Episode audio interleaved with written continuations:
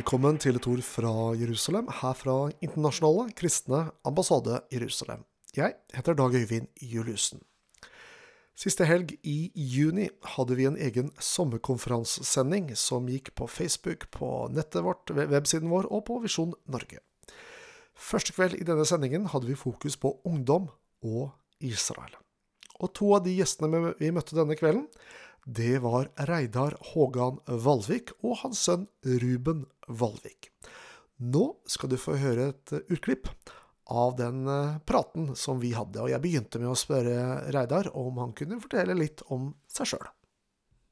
Jeg vokste opp i en kristen familie, eh, men jeg fikk et møte med Jesus for, eh, for en god del år siden.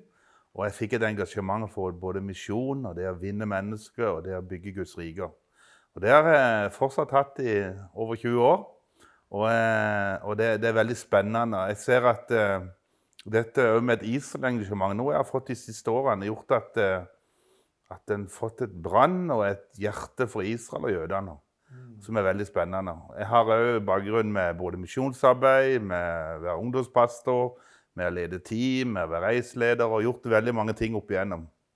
Og, eh, og, Det er kjempespennende. Og Spesielt de siste to årene når vi har vært og reist til Israel og tatt med oss ungdommer, så ser jeg at det, eh, det er veldig spennende.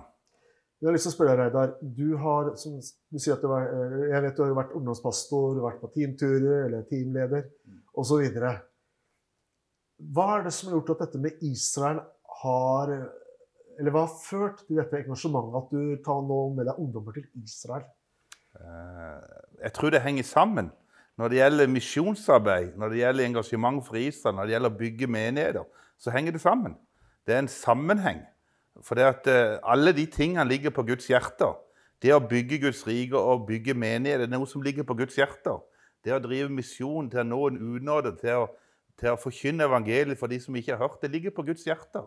Når det gjelder engasjement for Israel og jødene, så er det noe som ligger på Guds hjerter. Og det er viktig.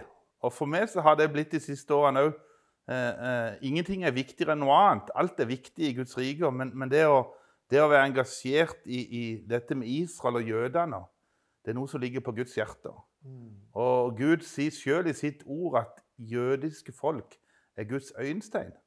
Og hvis Gud er opptatt av dette folket og dette landet, så bør vi som kristne òg være opptatt av det. Mm. Så det er noe Gud har lagt på meg, og derfor er jeg her.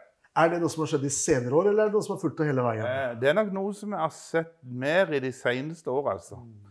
Eh, og, det gjør at eh, når du ser noe og får erfare noe, så blir du engasjert til å formidle videre. Mm. Og jeg tror jo når det gjelder som kristne, så er, vi, så er det viktig å engasjere seg i, i, i kristent arbeid, i menighetsarbeid, i misjonsarbeid. Og òg i dette drive, drive, arbeid inn mot Israel og jødene. Mm. For, eh, for, jeg tror det er noe som ligger på Guds hjerte. Mm. Og, og, Derfor er jeg engasjert i ambassaden og arbeidet. Ja, Kjempefint. Ruben, du ja. er 17 år gammel, og du ja. går på videregående. Ja, stemmer det. Hvor da? Jeg går på KVS Lyngdal nå, akkurat nå. Eh, akkurat ferdig med første året. Så det er veldig spennende. Ja, Ved siden av å gå på førsteåret på eh, KVS i Lyngdal, mm. så er også du engasjert når det gjelder Israel. Du har en ganske sterk, sterk interesse eller engasjement. Ja.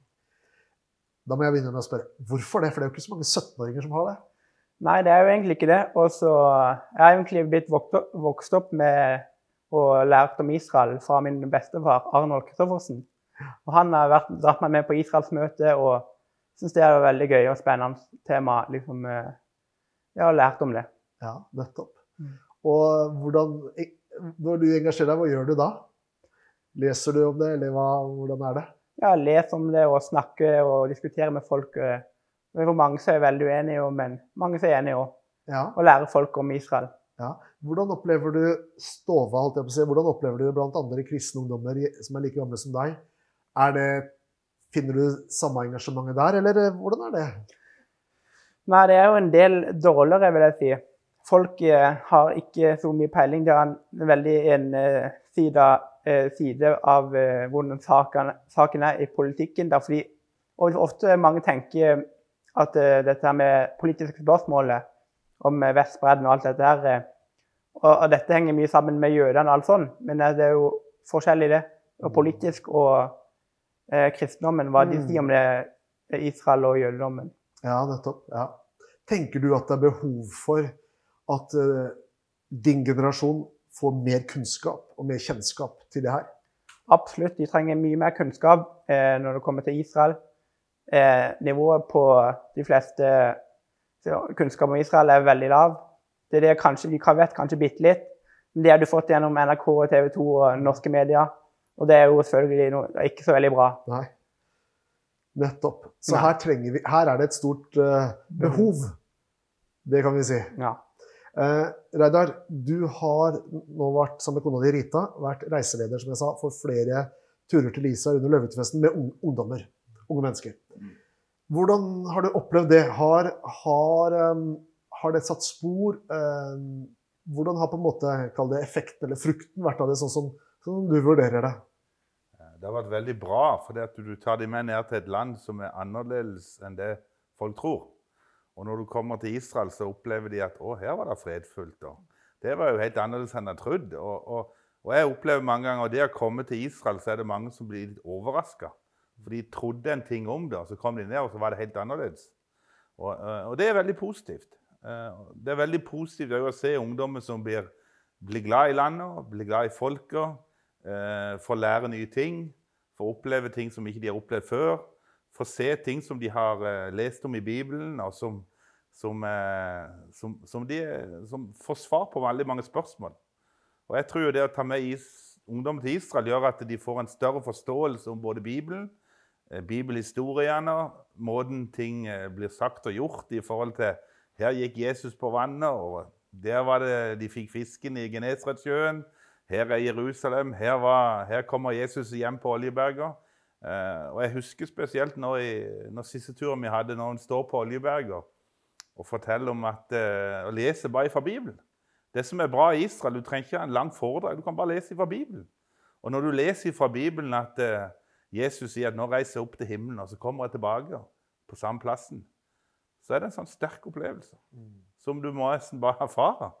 For det var her han sto, og det var her han gikk opp når du står på Oljeberga. Og det er her han vil komme igjen. Og det er Jesus sine egne ord. Han sa 'jeg kommer tilbake'. På samme måte som jeg går opp, så kommer jeg tilbake igjen. Og det er, det er sterkt. Det er en sterk opplevelse. En utfordring, eller nesten en tankebygning, vil jeg si, som vi står overfor, det er at dette med Israel er noe for spesielt interesserte. Og mange tenker også at det er kun for en godt voksen generasjon eller en eldre. Det er, det er, for senior med de grå hår. Men eh, når du er i Israel, Ruben, er det kjedelig? Eh, nei, det er veldig gøy. Ja, vi ser masse ting. Og så ser du litt eh, alle de bibelhistoriene du har sett og lest om eh, Jesus gikk rundt i Judea og Samaria. Så kan du se de plassene han gikk på. Det er veldig interessant og, og lærerikt. Mm, nettopp.